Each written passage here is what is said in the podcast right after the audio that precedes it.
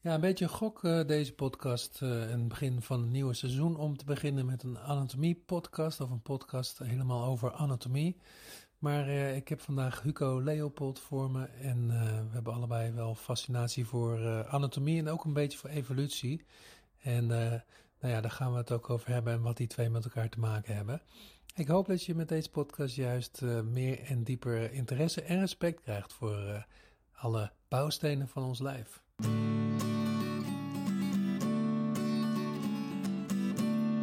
Hoi, ik ben Steven van Rossum en dit is de Esoterre Podcast.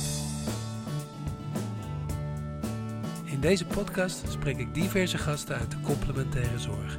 Van lichaamswerkers tot psychiaters en van relatietherapeuten tot wetenschappers. We hebben het over fascinerende onderwerpen die ons mensen bezighouden. Bewustzijn, vitaliteit, gezondheid, persoonlijke ontwikkeling, etc. En elke keer worden we weer iets wijzer. Luister je mee?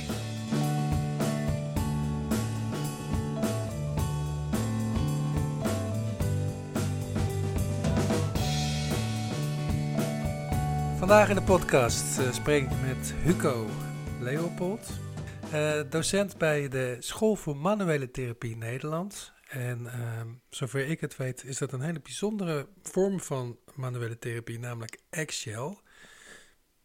En misschien is het wel leuk om daar ook nog eens even bij stil te staan, wat dat zo meteen is. Maar wij hebben besloten om elkaar te spreken in de podcast. Uh, door eigenlijk de spreuk van, uh, god, nou heb ik hem net opgezocht en ben ik hem alweer kwijt. Ene Theodosius, dit ga ik zo nog even opzoeken. maar die zei, oh god, wat zei die nou ook weer? Dan ben ik dat ook nog kwijt. Wat een slechte start. Oh, ik heb hem hier staan. Nothing in biology makes sense except in the light of evolution. Dus uh, voor mij vrij vertaald, uh, maar dat gaan we natuurlijk aan Hugo vragen. Uh, je gaat het pas zien als je het door hebt met de bril van de, van de evolutie. Ja, de uitspraak was van een, die jij citeerde, is van een bioloog Wilson. En jij bent dit gesprek aangegaan een paar weken geleden met de opmerking: je moet de evolutie kennen als je de uh, anatomie wil begrijpen. En dat vond ik een aangename stelling die ook wel prikkelend is en die wel past bij deze stelling van Wilson. Uh, als ik de uitspraak van Wilson transponeer naar dit gesprek, dan zou je ervan moeten maken: Nothing in anatomy makes sense unless in the light of evolution. En dan zitten we aardig op één lijn. En mijn eerste bedenking of mijn eerste gedachte bij jouw spreuk, die was ja het klinkt best goed. Uh, evolutie begrijpen, dat betekent al heel veel. En anatomie begrijpen is ook iets wat mij mijn hele leven lang nog niet echt lukt.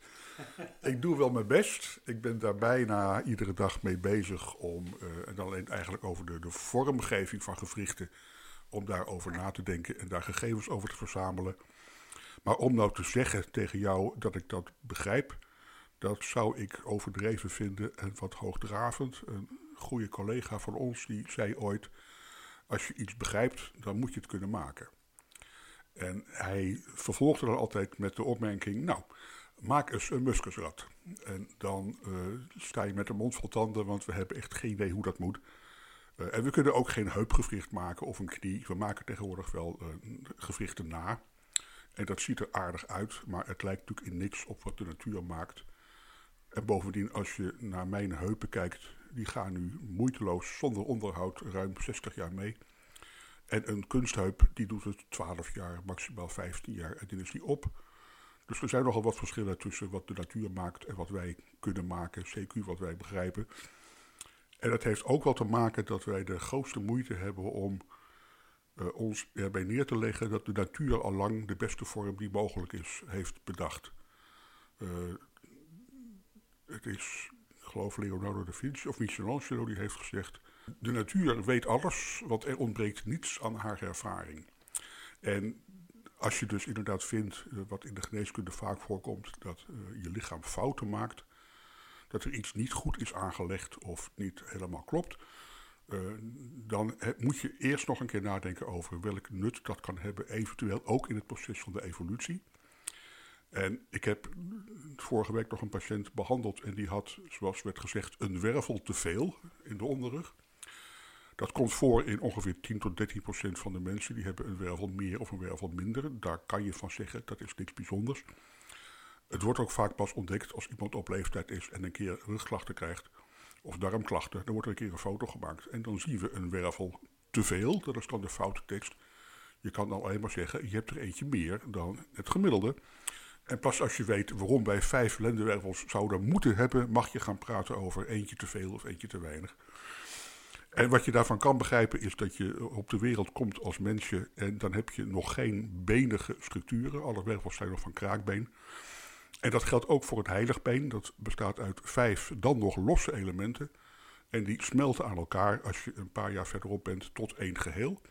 En in dat proces is het best interessant om te zien dat soms bij kinderen, baby's, dat daar de onderste lendenwervel mee wordt genomen in het sacrum. Dus dan heb je een wervel minder en een wat groter heiligbeen. En bij andere kinderen is het zo dat de bovenste uh, heiligbeenwervel los blijft en zich gaat gedragen als een lumbale lendenwervel. En ik zou, ja, ik heb daar een idee over. Ik denk, ik zou het leuk vinden als het zo was, dat als je nou als kind in je wiegje heel erg ligt te spartelen en vreselijk veel beweegt, dat dat proces in toekomst. Dus weet je wat, geef hem maar een wervel extra, daar gaat hij graag gebruik van maken. En als je andere kinderen hebt die eigenlijk de hele dag een beetje liggen te mijmeren en liggen na te denken, dat zijn dan meer de Midas-Dekkers types, uh, dan zou het zo kunnen zijn dat dat lichaam besluit om die onderste wervel er maar bij te nemen en er één geheel van te maken.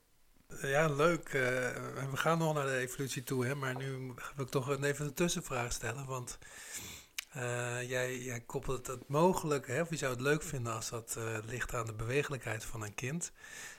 in andere theorieën meer karakterstructuren en chakra, misschien heb je daar minder verstand van of minder kaas van gegeten, maar daar worden bepaalde structuren gebouwd. Hè, en de lage rug staat, het, staat mijn ziens logischerwijs voor je basis, hè, voor stevigheid. Dus sommige mensen zouden misschien daar juist wat minder bewegelijk kunnen zijn, mogen zijn, en anderen juist wat meer stevigheid mogen hebben. Dus dat is op zich wel een leuk uitgangspunt. Ja, ik vind het op zich ook een hele goede ingang om naar zo'n keuze te kijken die je lichaam maakt. Zo wil ik het graag zien, niet als een afwijking, maar als een keuze.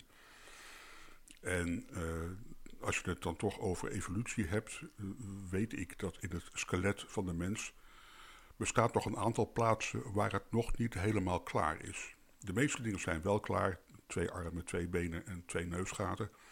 Maar bijvoorbeeld het aantal uh, wervels in de onderrug, dat wisselt een klein beetje. En ook in je hand zijn er vijf tot acht plaatsen aanwijsbaar waar nog, als het ware, geëxperimenteerd wordt. En dat wordt graag gezien als het wordt aangetroffen als een afwijking. En ik denk dat je wel je moet realiseren dat wij hier nou tegenover elkaar zitten dankzij dat soort experimentjes die de evolutie heeft gedaan. Want anders waren we nooit uit het vissenstadium uh, gekomen. Dat heeft best lang geduurd, maar dit is een proces waar constant dit soort kleine experimentjes worden gedaan. En wij zien dat vaak en graag als een, een foutje van de natuur. En ik denk dat je moet accepteren dat dat gewoon het, het, het proberen is van het evolutionaire proces. De ene kant op of de andere kant op. Wist jij trouwens uh, dat, um, vond ik zelf ook weer opzienbarend. Je hebt het over een werveltje meer of minder. Het is een experiment. Het is geen, uh, geen beperking of geen uh, aandoening, of wat jij zei.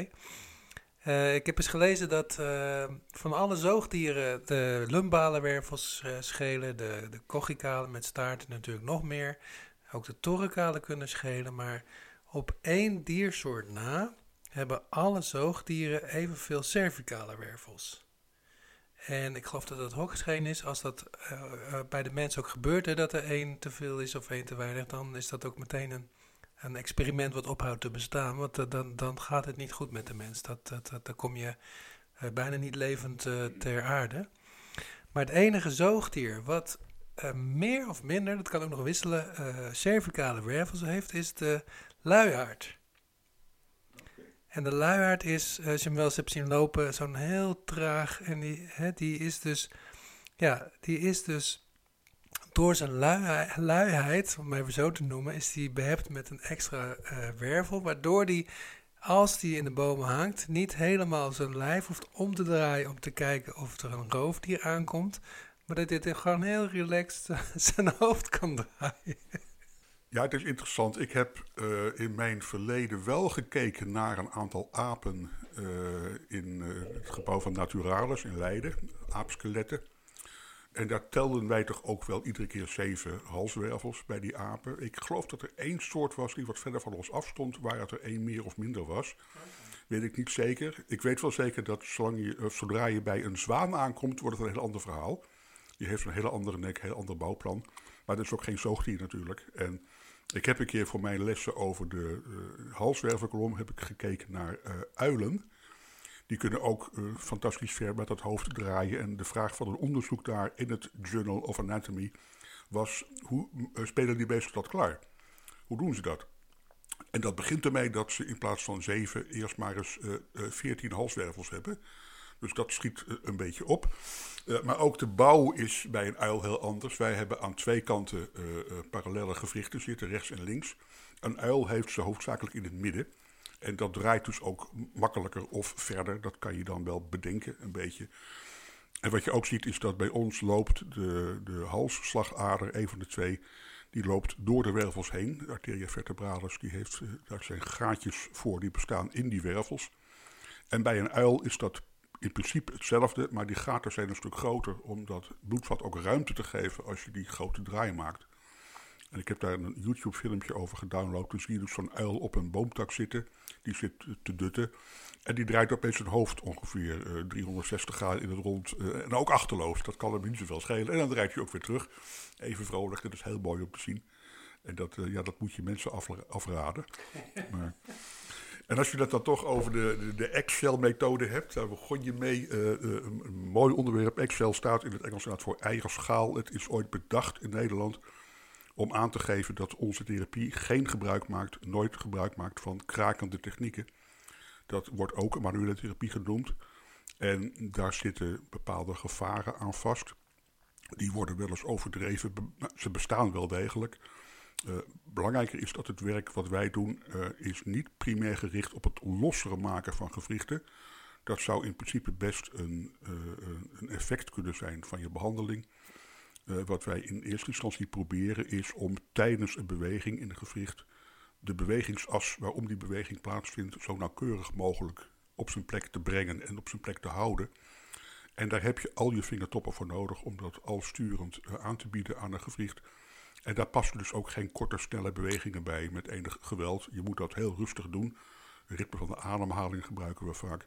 En je moet met heel veel aandacht en wat wij noemen sturing of nuancering, moet je proberen om zo'n gewricht eigenlijk in zijn eigen baan te houden. En bewegingsas is natuurlijk een virtueel iets. Ik zou graag in mijn leven een keer een bewegingsas willen zien. Uh, net zoals met, heb je met de zwaartekracht heb je dat ook, die zie je ook nooit, maar hou er maar rekening mee. Uh, maar iedere beweging die je maakt met een lichaam, of het nou in je, je eigen lichaam is of daarbuiten, iedere beweging heeft een bewegingsas waar het omheen beweegt. En als je hier in de kamer naar de deur kijkt achter mij, dan zie je drie scharnieren boven elkaar zitten. De bewegingsas van die deur die loopt precies verticaal door die drie scharnieren heen. En die as zie je niet, maar je kan hem wel afleiden aan het feit dat die scharnieren daar zitten. En als die scharnieren goed vastzitten, dan kan je aan deze kant van die deur kan je duwen of trekken. Of aan de andere kant kan je trekken of duwen, dat maakt niets uit. De baan van die deur ligt volledig vast. En de baan van die deur moet ook passen bij de spanning waar die in moet vallen. En dat geldt voor menselijke gewrichten ook. Als ik mijn elleboog buig of mijn knie, dan ligt daar een bewegingsas die niet zo vast ligt als die uh, as hier in de deur. Die as verplaatst zich tijdens het bewegen. Maar hij moet wel precies passen bij de vorm van het gewricht vorm van het kraakbeen van het bot, ook de lengte van spieren, de positie van bloedvaten en zenuwen. En als alles bij elkaar klopt, dan ligt die bewegingsas op de goede plek. En wat je bij mensen ziet die klachten ontwikkelen, is dat die bewegingsas eh, als het ware losraakt. Die is minder stabiel. Die gaat een beetje zwerven en, en een beetje heen en weer. En dat betekent ook dat je van mensen vaak hoort dat ze bijvoorbeeld een knie hebben waar ze niet helemaal zeker van zijn. In het Engels heet dat giving way. Dan steun je op je knie. En dan ligt die bewegingsas net niet op de goede plek. En dan glij je een klein stukje uit in dat gewricht. Tot het weer stabiel wordt op basis van spanning. En wat wij dan doen is dat zo'n gewricht. Wij pakken dat vast. Boven het onderbeen. En dan proberen we in dat gewricht de bewegingen te maken. Een aantal keren. Je moet dat herhalen. Precies op de manier die volgens de normale asligging dan kan plaatsvinden. En uit de moderne wetenschappen weten we van steeds meer gewrichten, ook wel heel veel gewrichten, waar dan precies die bewegingsassen liggen. Dat wordt tegenwoordig met MRI-beelden, wordt dat vrij nauwkeurig vastgelegd. Wat volgens mij veel mensen, of wat ik ook eigenlijk altijd weer als verrassing ervaar, is dat we zo ontzettend veel gewrichten in ons lijf hebben. En nou ja, dus ik, ben wel eens bij jullie in de les en dan vind ik het leuk dat jullie een hele dag over een, een gewricht in het voet kunnen, kunnen lesgeven. Dat is zo specialistisch, dat vind ik heel erg leuk. Um, maar misschien moeten we even terug naar het uh, hoofdonderwerp. En nou goed, je weet dus, als je dit soort werk doet, dat Excel, dat trouwens, ik heb er zelf ook ervaring mee, wat mij heel erg helpt als ik last in mijn, in mijn wervelkolom heb. Um, moet je dus veel weten van de anatomie. En nou ja, we hadden het er zo over. En jij hebt ook wat leuke voorbeelden, ik zou bijna zeggen meegenomen, maar voorbeelden van die aantonen dat er in ons lijf, zeg maar, verbanden zijn gemaakt of dingen zijn gebouwd die vanuit aan het uh, evolutionair oogpunt uh, logisch zijn, maar misschien anatomisch niet direct. Ik, ik, denk dat dat wel parallel loopt aan elkaar, overigens. Ik denk niet dat onze vorm voor zou kunnen lopen of achter zou lopen op de evolutie. Het gaat allebei zo langzaam dat die elkaar wel bijhouden. En het is voor ons moeilijk voor te stellen, omdat het zo langzaam gaat dat wij het niet meemaken. En hetzelfde geldt voor die, die afwijkingjes die je dan bijvoorbeeld kent in het handskelet het is onbekend voor mij en voor iedereen op het ogenblik welke richting dat uit evolueert. Je hebt dat ook met die wervels. In, in je uh, lendenwervelkolom heb je ongeveer 10 tot 13 procent uh, wervel meer of minder. Of dat nou in 100.000 jaar meer is geworden of minder is geworden, dat weten wij dus niet. Dat maken we niet mee. Je moet dus over een veel langere tijd kunnen kijken om dan te zien wat, daar, wat daar gebeurt. En de leukste vraag die ik heb, ik vraag vaak aan, eh, of graag aan studenten, uh, wat vind jij nou de raarste zenuw die in ons lichaam zit? En dan zie je ze een beetje, een beetje moeilijk kijken, want die vraag hebben ze zich nooit gesteld. Ik heb die wel in mijn hoofd. Ik heb ook de meest merkwaardige spier en ook het meest merkwaardige gewricht. En dat is leuk om over, te, over na te denken. En de meest merkwaardige zenuw is de zogenaamde nervus accessorius. Dat heeft geen Nederlandse naam. Uh, je accessoire is inderdaad, het is ook iets wat er een beetje bij hangt. Heel lang is die uh, beschouwd als een wat onduidelijk uh, fenomeen. En hij wordt gerekend tot de hersenzenuwen, officieel. En dat is nu nog steeds zo in de officiële indeling. Er is ook wel over getwijfeld overigens, maar dat is voor hier minder interessant. En wat aan dat ding heel gek is, is het verloop ervan. Hij ontstaat in je halswervelkolom, tussen de derde en de zesde halswervel. En dan loopt hij eerst in het ruggenmerg omhoog door je achterhoofdschat je schedel in. En vandaar hoekt hij af naar voren en naar opzij. En dan gaat hij er via het zogenaamde foramen jugulare gaat hij er weer uit. Dus die zenuw maakt een enorme omweg, een lus. Eerst van die nek laag in je nek helemaal omhoog. En dan door de schedel heen eventjes en dan er weer uit. Terwijl alle andere zenuwen die in je nek ontstaan, die gaan direct tussen de wervels door naar buiten richting je arm. En dit is eigenlijk de enige die dat niet doet. En dan, ik heb mij lang afgevraagd, waarom doet die zenuw dat? En uh, waarom gaat hij niet gewoon uh, naar opzij? Hij innerveert, hij, verzorgt twee spieren tussen je hoofd en je schoudergordel. De mooie naam, trapezius pars descendens, is een grote monnikskapspier. En de sternocleidomastoideus, die loopt van de schedel naar het borstbeen en je sleutelbeen. En die worden geïnnerveerd. En ik heb eerst nog bedacht, misschien loopt die zenuw eerst omhoog, omdat in het algemeen spieren het liefste of het meeste van bovenaf worden geïnnerveerd. Al onze zenuwen komen van, onder, van boven naar beneden het lichaam door. Maar als je bijvoorbeeld naar je tussenribzenuwen kijkt, die doen dat niet. Die lopen gewoon horizontaal. Dus dat is denk ik geen overwegend, uh, overwegende factor. En je moet daar inderdaad, dat is weer grappig voor dit gesprek, de evolutie bijhalen. Wil je daar een beeld van kunnen krijgen? En er zijn uh, Engelse onderzoekers, Tubbs is er een van, die heeft erover geschreven. En wat hij beschrijft is dat heel, heel lang geleden, toen wij nog vis waren, toen hadden wij nog geen voorpootjes, nog geen armen. En dat, is, dat proces is begonnen bij een vis met het eerste voorvinnetje. En als je het lichaam van een vis je inbeeldt, dan zie je als je van achteren naar voren gaat eerst een staart, dan heb je dat lijf. En dat lijf dat gaat eigenlijk naadloos over in de kop. Een vis heeft geen nek. Dat is niet, wij hebben dat wel. Dat is een transitiegebied tussen hoofd en romp. En dat zie je in de evolutie ontstaan bij amfibieën en reptielen. Ik doe dat, doet mij een beetje denken aan jouw luiaard van uh, toen net. Die heeft dat ook. En als je reptiel bent en je wil dus met je poten op de grond blijven staan en je wil toch met je, met je bekken wil je van rechts naar links om prooien te happen of om dingen te bekijken, dan wordt het interessant om daar een nek tussen te zetten. En het schijnt zo te zijn, dat is althans mijn idee van het verhaal, dat je ooit in die evolutieontwikkeling dus bent begonnen met iets van een bovenste extremiteit, een schouder, gordel, een schouder, een arm. En dat daarbij ook die nervus accessorius is ontstaan. En die liep toen, net zoals bij die vissen, waarbij die vin ook erg hoog zit aan je hoofd eigenlijk, die liep toen makkelijk vanuit de hersenen naar eh, de schedel toe. En daar naar beneden, dan kwam je direct in je vinnetje terecht. En gedurende onze ontwikkeling is dus die nek is er steeds meer tussen gekomen, als het ware. Dus ik stel me nou voor dat die zenuw ligt er dan. En dan om de zoveel tijd zit er weer een wervel extra tussen. Dus daar moet hij zich weer, moet hij weer bijvieren om die ruimte te maken. En het is dus niet zo of niet gelukt dat het proces heeft besloten om die zenuw dan maar eens een keer anders te laten lopen. Althans, één ding daar weer, er zijn nu ongeveer 8% van de mensen waar die zenuw al wel delen heeft, die wel direct uit die nek naar opzij lopen. Dus ik denk dat als ik dat lees, ik geloof dat de evolutie naar mij luistert. Dat zou ik best leuk vinden. En dat, het zou dus, maar dan moet je dus weer 200.000 eh, jaar verder kijken. En dan ben ik benieuwd of dat percentage toeneemt bij mensen. Nou ja, dat, dat is interessant. Hè? Dan uh, hebben we dus uh, sommige mensen die voorlopen in de evolutie.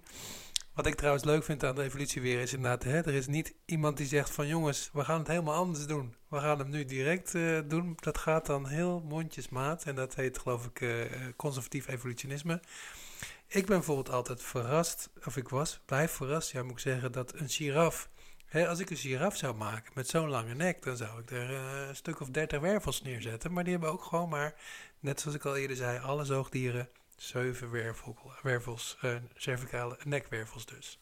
Cervicaal betekent trouwens nek.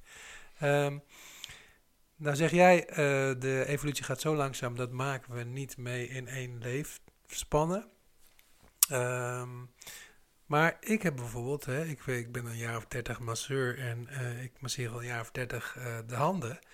En ik heb bijvoorbeeld de stelling dat uh, sinds het opkomen van de smartphones en de apps en de duimgebruik, dat die, die, die, ik weet even de spiernaam niet meer, maar dat die veel meer ontwikkeld is geworden, die duimspier zeg maar, dan dat die 30 jaar geleden was. Nou, is natuurlijk nog geen evolutieverschijnsel, maar het zijn wel de eerste tekenen, toch? Het zou op zich heel goed kunnen, denk ik. Uh, er is wel een verschil tussen trainingsgevolgen die je in een leven kan meemaken en het evolutionaire proces. Pas als jij het aan je kinderen gaat doorgeven, dan wordt het iets wat de evolutie misschien meeneemt.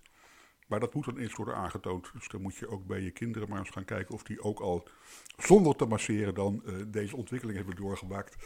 En daar moet het ook een voordeel hebben voor de evolutie. En jouw giraf van toen net, die heeft inderdaad zeven halswervels, maar hij heeft geen nervus accessorius. Dat heb ik na proberen te kijken. Er is wat literatuur over. Een kameel heeft hem wel. Hoe dat dan komt. Maar bij een giraf wordt er inderdaad gezegd, die, die, die heeft hem niet.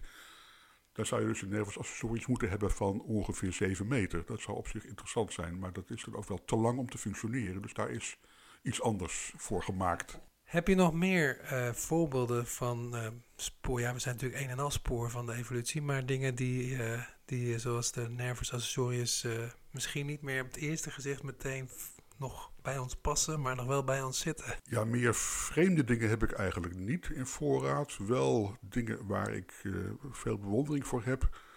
Grootste is daarvan toch wel de menselijke voet.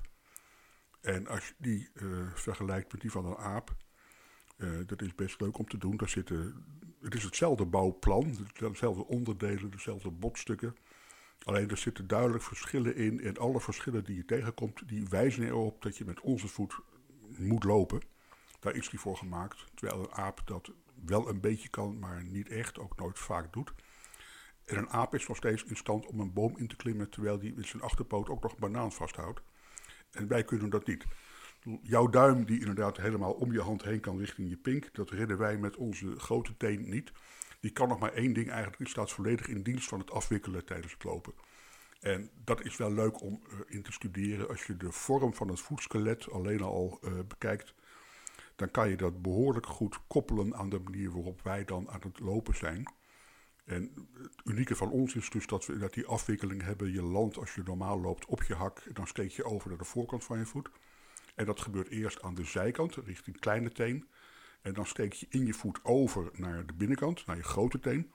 En die is ook uiteindelijk langer dan die kleine teen is. Dus er is een model van, van meneer Boysen-Muller, Scandinavië. En die beschouwt je voet als een versnellingsbak. Dus op zich interessant, als je heel goed luistert, als iemand hoort, loopt, dan hoor je het ook. Je hoort dat schakelen. En je moet je voorstellen dat je in die voet vanaf je kleine teen doorschakelt met je krachtverloop naar je grote teen.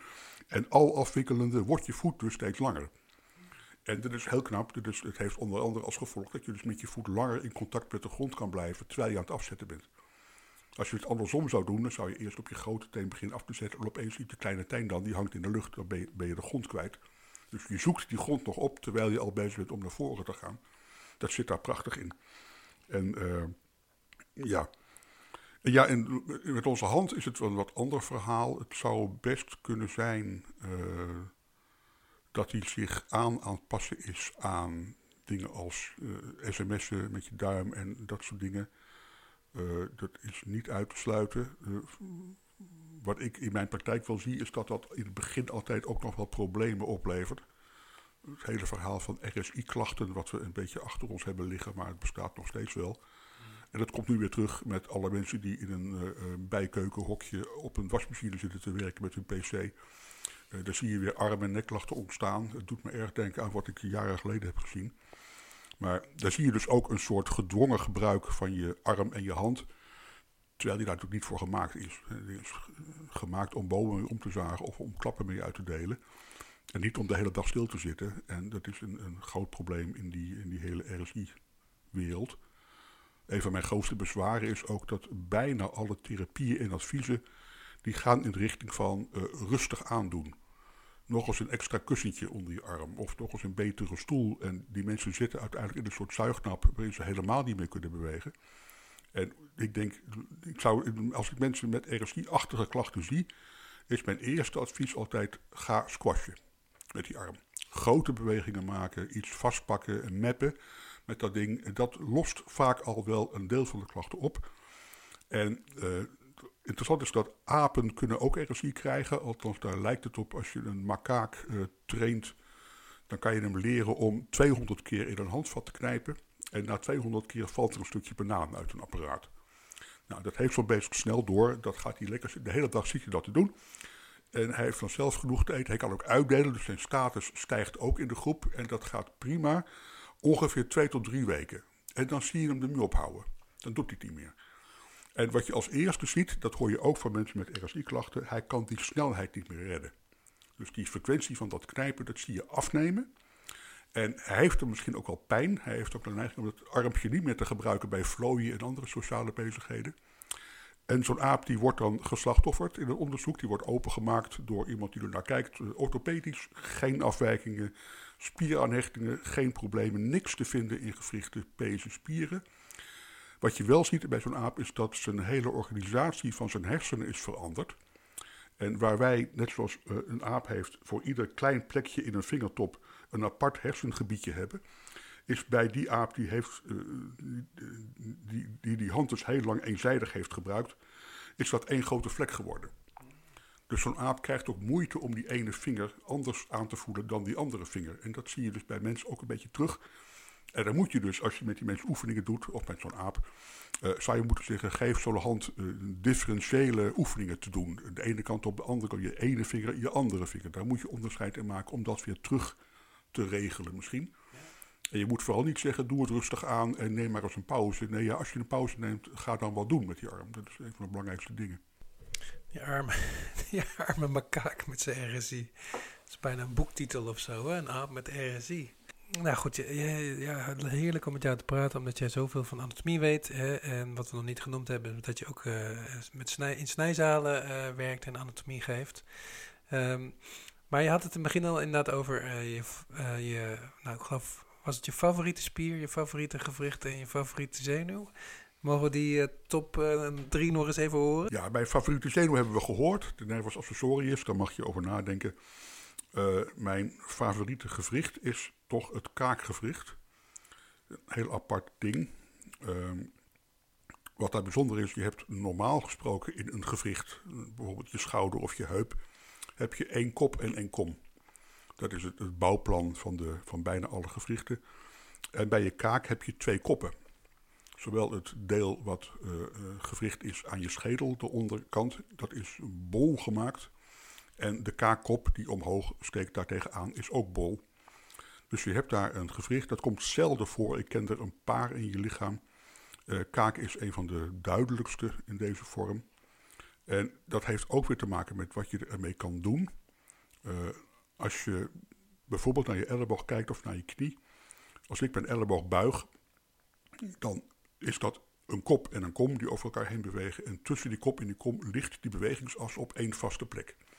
En dat betekent dat als ik mijn elleboog buig, dan moet ik met mijn onderarm naar voren komen. En als ik met mijn onderarm niet naar voren kan, kan ik niet buigen. En als ik met mijn onderarm naar voren ga, dan moet ik ook uh, die buiging maken. Dus dat zit aan elkaar gekoppeld. En bij die kaak, ik zie het jou wel doen, kan je die hele mond kan je naar voren schuiven zonder dat die open gaat. En je kan ook naar rechts en naar links kan je bewegen zonder dat die kaak dan van de bovenkaak afgaat. En als je dit in je knie zou doen, dus heen en weer schuiven zonder te buigen te strekken, dan noemen we dat een schuifladerfenomeen. Dan is je kruisband kapot. En zo'n kaak heeft dus het gewricht uh, waarin dat wel kan. En daarmee kan je dus je mond openen en sluiten. Dat is best nuttig. Maar je kan ook uh, malende bewegingen maken, zoals een koe ook heel vaak doet. Waar je dus die kaak niet opent of sluit, maar gewoon stabiel houdt. Maar wel van voren naar achteren en van links naar rechts kan bewegen. En dat is dus een uniek aspect waarin je de, de functie van het gewricht terugziet in de vorm die je tegenkomt. En dat komt inderdaad, wat ik al zei, op, op weinig plekken komt dat voor. Um, we hadden eerder een podcast had een mevrouw die, of nee, dit is weer iemand anders, maar die koppelt de stand van je kaken aan uh, je ruggenwervel. Dus zij zegt, als ik in je kaken iets uh, wijzig, iets aanpas of recht zet, zeg maar, dan gaat de scoliose in je onderrug uh, gaat veranderen. Of in je rug. En iemand anders, ik sprak, het VPO, die had het over inderdaad de stand van je ogen, maar die is ook heel erg bezig met die kaken en de stand van je voeten. Heb jij daar nog een, een connectie tussen?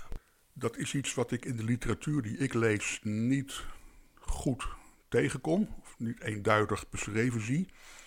Maar ik kan het me wel heel goed voorstellen. Ik denk als je aan mij vraagt, is er nou een verband tussen A en B in je lichaam? Dan zal ik altijd ja zeggen. Er is een verband. Hoe dat in elkaar zit, dat kan ik lastig beredeneren. Maar het is best voor te stellen dat in ieder geval de positie van het hoofd heeft uiteraard met die van de nek te maken. En als je met het hoofd begint, dan gaat die kaak ook mee. Dus daar zitten ongetwijfeld lijnen. Het enige wat ik niet weet, is of dit dan algemeen kan worden gemaakt voor alle mensen. Het zou best kunnen zijn dat het bij de ene mens het op de ene, een of andere manier, ene manier gekoppeld is en bij iemand anders op een andere manier gekoppeld is. Maar dit soort koppelingen die eh, bestaan er wel degelijk, denk ik. Uh, ik ben ooit begonnen in mijn praktijk met het idee van de koppeling tussen uh, het enkelgewricht en het kniegewricht. Ik had daar een model van. En ik vond dat mensen die hun enkel ooit verstuikt hadden, dat die op een bepaalde manier last van hun knie moesten krijgen. En ik zag die mensen ook in mijn praktijk. Dat is leuk altijd, als je iets gelooft, dan zie je het ook langskomen. En bij mensen met die bepaald soort knieklachten was mijn gewoonte om ze eerst te vragen: wanneer ben je het laatst door deze enkel geslikt? En dan keken ze mij heel verbaasd aan. Ja, hoe weet jij dat nou? Ja, dat was twee jaar geleden. En dat was ongeveer mijn, mijn beeld van de wereld toen. Tot ik ooit een jonge vrouw als patiënt had en die weigerde toe te geven dat ze ooit door de enkel was gezwikt. Ik heb er nog de duimschroeven aangedraaid, maar ze bleef dat ontkennen. Dus daarmee moest ik dat model weer laten, laten lopen. En ik ben met een van mijn collega's hier, toen dat mogelijk werd in Nederland, dat je literatuur zou kunnen vinden, dat was nog via de KNAW, de Koninklijke Nederlandse Academie voor Wetenschappen. Daar kon je een, een, een, formulier invullen met een tijdschrift, een naam en een uh, titel van een auteur en een titel van een artikel. En dan kreeg je daar fotocopieën van thuisgestuurd. Dat was, was er nog geen internet, nog geen PubMed waar ik tegenwoordig mee werk. En toen had ik gedacht, weet je wat, ik ga eens zoeken naar literatuur die over de enkel gaat en ook over de knie. Dus ik heb die zoekopdracht heb ik gegeven aan het systeem en daar kwam uh, nul reactie op. Dus er bestond toen nog geen literatuur over het verband tussen kniebewegingen, enkelbewegingen, enkelklachten, knieklachten. Dat viel mij zwaar tegen in die zin, dus ik heb daar lang op, ben, ik ben erop blijven broeden. En twee jaar geleden heb ik voor het eerst een case report gezien in het sporttijdschrift uit Amerika voor fysiotherapie. Waarin inderdaad een therapeute zich uitliet over dit soort verbanden tussen enkel en knie. Ja. En toen dacht ik eindelijk, hé, hé, uh, we hebben dat door, of het is aan te tonen. En, maar dit zijn dus de dingen waar je twee werelden of twee paden kan bewandelen. Ik ga ervan uit dat tussen een enkel en een knie uiteraard mechanische verbanden zijn. En wat jij schetst over uh, gebitselementen en je rug, ja, waarom niet? Uh, er is uiteraard ook een, een, een, verband tussen mijn nek en mijn kleine teen aan de rechterkant. Maar als je nou aan mij vraagt welk verband is dat dan? Dan sta ik een beetje met de mond vol tanden. Maar ga er maar vanuit dat er een, een lijn ligt. En heel soms zeg ik tegen patiënten, als je nou klachten hebt, als er nou iets leuk is aan klachten hebben, meestal valt dat tegen is het dat je op dat moment een keer kan voelen welke lijnen er in je lichaam bestaan. Normaal gesproken kom je dat nooit tegen. En pas als je een hernia hebt, dan voel je in je kuit dat dat met je rug te maken heeft. Had je nooit gedacht, maar het is natuurlijk wel zo. Ja, dat is een hele goede inderdaad. En uh, dat is ook altijd een mooie les uh, voor anatomie. Hè? Als je dan ergens last van hebt, dan voel je opeens hoe het in elkaar steekt. Maar vooral inderdaad hoe het met elkaar verbonden is. Hè? Dat is wel een hele goede. Um, nou, laten we teruggaan naar jou. Uh, even kijken, we hadden de favoriete zenuw gehad, je favoriete gewricht. Dus we krijgen nog de favoriete spier. Ja, dan mag ik kiezen. Um, die eerder genoemde sternocleidomastoideus is er wel één, maar die zit weer in dat hoofdhalsgebied. Um, wat ik ook nog een interessante spier vind, is de musculus anconius. Vrij onbekend, het is een elleboogspier die aan de buitenkant onder je uh, onderarm zit. En die speelt een wat onduidelijke rol bij het proneren en supineren van je onderarm. Je kan, als je je hand op tafel legt, kan je om je pink heen draaien, waardoor je duim op de tafel terechtkomt. Wat ook kan, is dat je, als je die hand onder de tafel legt, is dat je niet om je pink heen draait, maar dat je om je wijsvinger heen draait. En dat lijkt dus twee keer dezelfde beweging die je op een andere manier kan maken. En er zijn ook subtiele verschillen tussen. En daar zit ook iets met evolutie daarin. Uh, die pronatiebeweging bovenlangs, zoals ik hem noem. Waarbij je dus je duim en je hand over uh, je pink heen draait. Dat heeft het meest te maken met uh, voedsel naar je toe halen of drinken bijvoorbeeld. pronatie en proost liggen bij elkaar. Dus daar kan je die beweging in herkennen. Dus de meeste apen en ook mensen heel vaak doen vooral die beweging. Maar daarbij is dus inderdaad die duim is aan het bewegen om die pink heen. En wij hebben ook de mogelijkheid om bijvoorbeeld de sleutel in een slot om te draaien. En als je dan met je duim en je wijsvinger waar die sleutel in zit zou gaan bewegen naar binnen toe, dan raak je de sleutel steeds kwijt. Dus voor dat soort dingen moet je inderdaad die duim en die wijsvinger stil kunnen houden en die hand eronder door kunnen draaien. Dus daar krijg je de, de noodzaak in feite voor onze handigheden dat je inderdaad met die pinkzijde van je hand onder die duim door kan draaien. Ik denk dat dat begonnen is in de evolutie toen er de, de homo habilis op aarde ging rondlopen, de handige mens. Ik denk dat die is begonnen met dit soort activiteiten te doen. En bij die beweging onderlangs, daar speelt waarschijnlijk die anconius een rol om die, die onderarm dan een beetje naar buiten te trekken in die beweging. Dat is uh, wat heel leuk is in die beweging als je dit met jezelf doet. Je kan het best eerst je hand op tafel leggen en dan om je pink heen draaien. Als je dan, voordat je daarmee begint, uh, met twee vingers uh, je distale radius vasthoudt. Dus dat was het onderarmbod wat je, bij je duim eindigt. Dan voel je ook dat die er overheen draait naar de tafel toe. Dus dat is duidelijk te voelen. En wat heel aardig is, als je het omdraait, dus als je met die hand onderlangs proneert. en je hebt tegelijkertijd je ulna vast. dan voel je dat die eronder doordraait. Maar dat is niet zo. Want als je deze beweging maakt en je verplaatst je hand van je onderarm aan de onderkant naar je elleboog, dan voel je dat dat bot helemaal niet draait om, zijn eigen lengteas. Dus het lijkt erop dat je de ene kant bovenlangs draait met de duimkant van je onderarm. En dat je bij die andere beweging onderlangs beweegt met de pinkkant van je onderarm. Maar die staat gewoon stil. Althans, hij draait niet om zijn eigen lengteas. Hij gaat wel een klein beetje naar beneden en naar opzij. En daar heb je die Anconius voor nodig. Dus daar koppel ik weer een bijzondere functie in, in die onderarm met, met een, een, spier die daar dan ligt. Ook weer niet toevallig, uiteraard. Hugo, er mag nog twee slotvragen. Uh, jij praat zo uh, lekker bevlogen over anatomie. Uh, en we zouden een hele podcast over één gewrichtje volgens mij wel kunnen vullen. Tenminste, jij, ik niet. Ehm, misschien toch leuk om even te vragen. We hebben best wat mensen die vooral als ze beginnen met een opleiding anatomie moeten gaan leren, de spieren. En daar hebben ze meestal de meeste hekel aan. Of de meeste, kijken ze het meest tegenop. Uh, heb, je, heb jij nog wat voor die mensen te zeggen? Ja, uh, begin om te zeggen hou vol. Uh, ik ken dat ook. Uh, in de fysiotherapie zijn er twee vakken die altijd moeilijk zijn. anatomie en biomechanica. Tegenwoordig komt er ook statistiek bij. Dat is ook zo'n zo'n zo'n zwart gebied. En ik vind ze alle drie reuze interessant. Jammer genoeg voor mijn leerlingen. Ehm, het probleem inderdaad van anatomie is dat wil je, in ons gesprek merk je dat ook.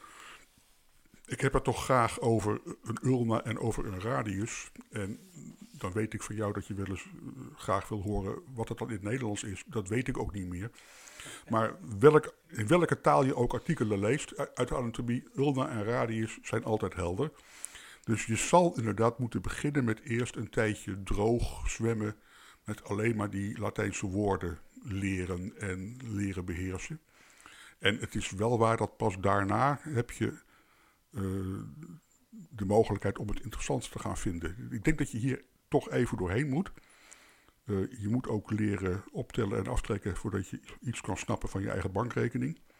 Dan kan dat leuk worden, eerder niet. Uh, ook niet altijd. maar dus ja, die, anatomie is. Ja, ik, ik weet niet. Ik denk niet dat dat erg helpt. Maar ik ben ook wel een fan van de soms echt prachtige anatomische namen die er in zo'n atlasje staan. Als je nog even teruggaat naar die schedel, dan heb je het onderdeel dat heet de clivus. Dat is het hardste deel van je schedelbasis. En da daarop ligt de hersenstam in het ruggenmerg. En die is vernoemd naar de Duitse anatoom Blumenbach. Dus in dikke atlassen lees je dan de Latijnse naam de Clivus Blumenbachii. Dat is de Clivus van Blumenbach. En dat vind ik dan mooi. Dat is iets wat, je, wat ik graag zeg voordat ik ga slapen. De Clivus Blumenbachii. En wat interessant is, hij was een, een wetenschapper in zijn tijd, 1800 eh, zoveel. En hij had een grote verzameling schedels van de hele wereld. En als ik zijn naam hoor, denk ik dat het iemand van Joodse komaf was. Blumenbach is vind ik typisch een Joodse naam. Hij was in Duitsland werkzaam. Hij had ook een soort rondreizend circus waarin hij dan uh, aanschoof in een zaaltje met geïnteresseerde mensen met zijn doos met schedels. En dan ging hij uitleggen wat dan het verschil was tussen een Eskimo-schedel en een Europese schedel. En nou ja, een schedel van een Indiaan of van iemand van het Negroïde ras. Hij was wel zo ver dat hij daarbij zei van ja, er zijn wel verschillen. Maar denk erom, Iemand die uit Afrika komt, heeft evenveel talent als wij voor cultuur en literatuur. En ik denk, ja, daar neemt u wel een stap even de andere kant op dan je zou verwachten. Dus hij, hij weigerde ook heel pertinent om dat racistisch uh, te gaan zitten doen. Maar hij had wel heel veel verstand van de vormen van schedels. Hij kent over zes verschillende types van mensenschedels op de wereld. En uh, ja, ja, ik zei al tegen je, of dit nou helpt, weet ik ook niet. Maar het is, ik vind het wel ik vind het een mooi ding. Nou ja, je, tip is uh, volhouden. Het wordt steeds leuker. Hè? Dan mijn laatste vraag. Uh, en het is ook zo, volhouden wordt steeds leuker. Het is een taal die je eerst moet leren om, om, om hè, op een terrasje wat te kunnen bestellen. Om maar even zo te metaforen. Laatste vraag die we altijd stellen is, wat maakt een goed therapeut? mooie vraag in het onderwijs zou je dan het beroepscompetentieprofiel moeten gaan lezen. En daar staat niets in waar je ook maar iets aan hebt. Dat is altijd bij dit soort dingen. Uh, wat voor mij een goede manueel therapeut maakt, althans een Excel-therapeut volgens de Utrechtse school. Dat is iemand die van elk gewricht de kennis bezit over hoe het eruit ziet en hoe het zou kunnen bewegen. En die dat ook kan vertalen of neer kan leggen in de manier waarop hij een gewricht beweegt. Dus de manier waarop hij een schouder vastpakt, dat laat al zien hoe je hem gaat bewegen. En als je dat gaat doen, dan moet daaruit blijken dat je ook weet hoe het daar van binnen loopt. Wat ik probeer is, als ik een schoudergewricht behandel, of een knie of een heup, dan draait er in mijn hoofd altijd de video van in dat gewricht. Ik probeer me altijd voor te stellen wat daar dan in dat gewricht aan het gebeuren is terwijl ik aan het bewegen ben of terwijl een patiënt zelf aan het bewegen is. En die voorstelling van zaken die moet je kunnen maken van al die wervels, van al die gewrichten. Wil je als therapeut goed werk kunnen doen door daar nog wat verbeteringen aan te brengen. Mooi, mooi gezegd. Hè? Maar je, specificeert een beetje op de Excel-therapeut. Uh, maar wat ik eruit haal is kennis eigenlijk. Hè? Weten waar je aan zit en hoe het beweegt. Kan je hem nog uh, wat breder maken voor de therapeut? Dan wordt het inderdaad wel breder. Uh, dan heb je ook wat meer aandacht voor het feit dat je met iemand te maken heeft die een probleem heeft in mijn vak een beweegprobleem, maar het kunnen ook in de wereld van de therapie hele andere problemen zijn. En ik zou er dan voor pleiten, als je een goed therapeut bent, om daarover je eigen oordeel zo lang mogelijk uit te stellen. Ik probeer ook als ik met iemand praat om zo lang mogelijk niet te weten wat hier mankeert. En het probleem is dan, soort mensen die komen dan mijn spreekkamer binnen en die zeggen dan in de eerste zin, ik heb een hernia, en dan hoor ik in mijn hoofd het zinnetje, dat zullen wij nog wel eens zien. En dan krijg ik de neiging om dat niet toe te geven. En soms is dat ook gewoon zo. Dat is een beeld vaak wat mensen hebben, waar je ook niks mee kan. Ik zou willen vragen, wat ga je eraan doen dan? Wat, wat is nu het gevolg van het feit dat je dit hebt? En het kost best wel eens moeite om dan met mensen zover te komen dat ze kunnen beschrijven waar ze last van hebben. Wat is nou het probleem? Ja, mijn heup, ik heb heupartrose. Ja, dat is prima, leuk woord. Maar wat, wat is nou je probleem? En het wordt pas menselijk of het wordt pas hanteerbaar als iemand ook tegen zichzelf kan zeggen: Ik loop zo slecht de laatste tijd. En dan kan je als therapeut gaan nadenken over wat kan hier dan niet meer in dat gewricht wat vroeger wel kon. Wat is hier veranderd? Wat kunnen we er misschien aan beter maken? En met het woord heupartrose of het woord hernia kom je echt nooit verder. Je moet dan toch door naar. Maar het is ook vaak voor mensen het pijnpunt. Vaak is ook die kreet uit de medische wereld is een soort van bescherming. Dan heb je tenminste een naam. En daar moet je proberen als therapeut om doorheen te voelen of doorheen te prikken. Behoedzaam. Want daar gaat het niet om. Nou, vind ik een hele mooie tip inderdaad. Hè? Um, vaak wat mensen van dan weten van, nou ja, wat moet ik nou met pathologie A en B, hè? of A of B? Uh, en jij zegt, uh, probeer zo, zo lang mogelijk uit te stellen dat je denkt dat je weet wat het is. Heb ik dat goed uh, vertaald? Nou, dat lijkt me een hele mooie. En daarmee maak je denk ik ook heel persoonlijk voor de persoon. Want pathologie A kan bij persoon Z weer anders, uh, toch anders zijn. En juist die nuances zijn belangrijk, denk ik. Nou, een hele leerzame tip. Hartstikke bedankt, Hugo. We hebben toch weer een uh, lekker uurtje over anatomie, evolutie en andere bijzaken kunnen praten. Uh, ontzettend bedankt. Oké, Stefan, het was ook mij een genoegen. En uh, ik hoop dat er veel mensen ook een beetje van kunnen meegenieten. Deze podcast is gemaakt door interviews Stefan van Rossum, redactie Esme Donker en Maurice de Gruiter. Muziek is van Stefan Alexander. Heb je interessante gasten of onderwerpen? Laat het ons weten. Vind je de podcast leuk? Vertel het aan andere mensen. Volg ons op Soundcloud, Spotify of iTunes. Bedankt voor het luisteren en tot de volgende keer.